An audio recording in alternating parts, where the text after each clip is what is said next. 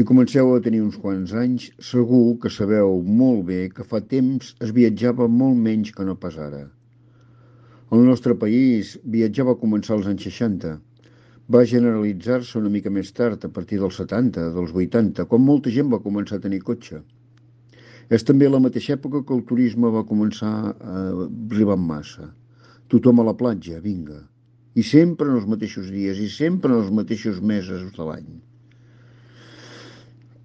Venen eleccions, com tots sabeu, però en aquest país una de les poques coses en les quals sembla que tothom estava i està disposat encara avui a posar-se d'acord és a fer festa els mateixos dies. Tantes festes com puguem, és clar. Josep Pla explica que abans d'aquesta massificació del turisme només es viatjava per negocis, per anar a Lourdes o de viatge de noces quan una parella es casava. I afegeix que en aquest últim cas difícilment el viatge anava bé perquè durant els primers dies o durant les primeres nits de noces era més aviat feixuc haver de fer dues coses a la vegada. Conèixer món per entendre'ns i al mateix temps conèixer-es amb la parella. Per sort avui és diferent.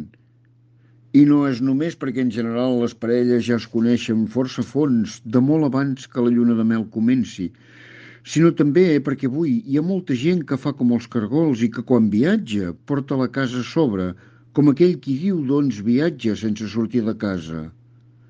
I és que estiu que arriba, estiu que més caravanes hi ha per tot. I qui diu estiu, diu també primavera, tardor, hivern. Déu me'n guard que passéssim un parell de setmanes sense veure caravanes, ja sigui a la carretera o a qualsevol racó possible. Avui que la campanya de les eleccions ha començat i que ja arribem a la meitat de maig, jo proposo per distreure'ns que aquest mes de juny fem un parell de concursos de caçar caravanes i no de caçar bolets o cargols, que, com tots sabem, també són temps de sequera.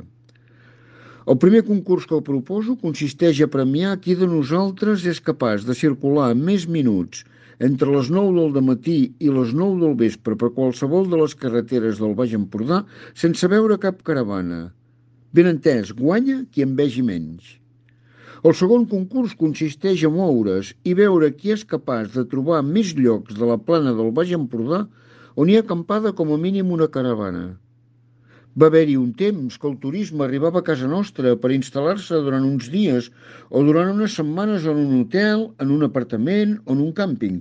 Avui més aviat arriba per poder continuar circulant fins que, quan se'n cansen, acampen allà on els agrada més, a per tot arreu.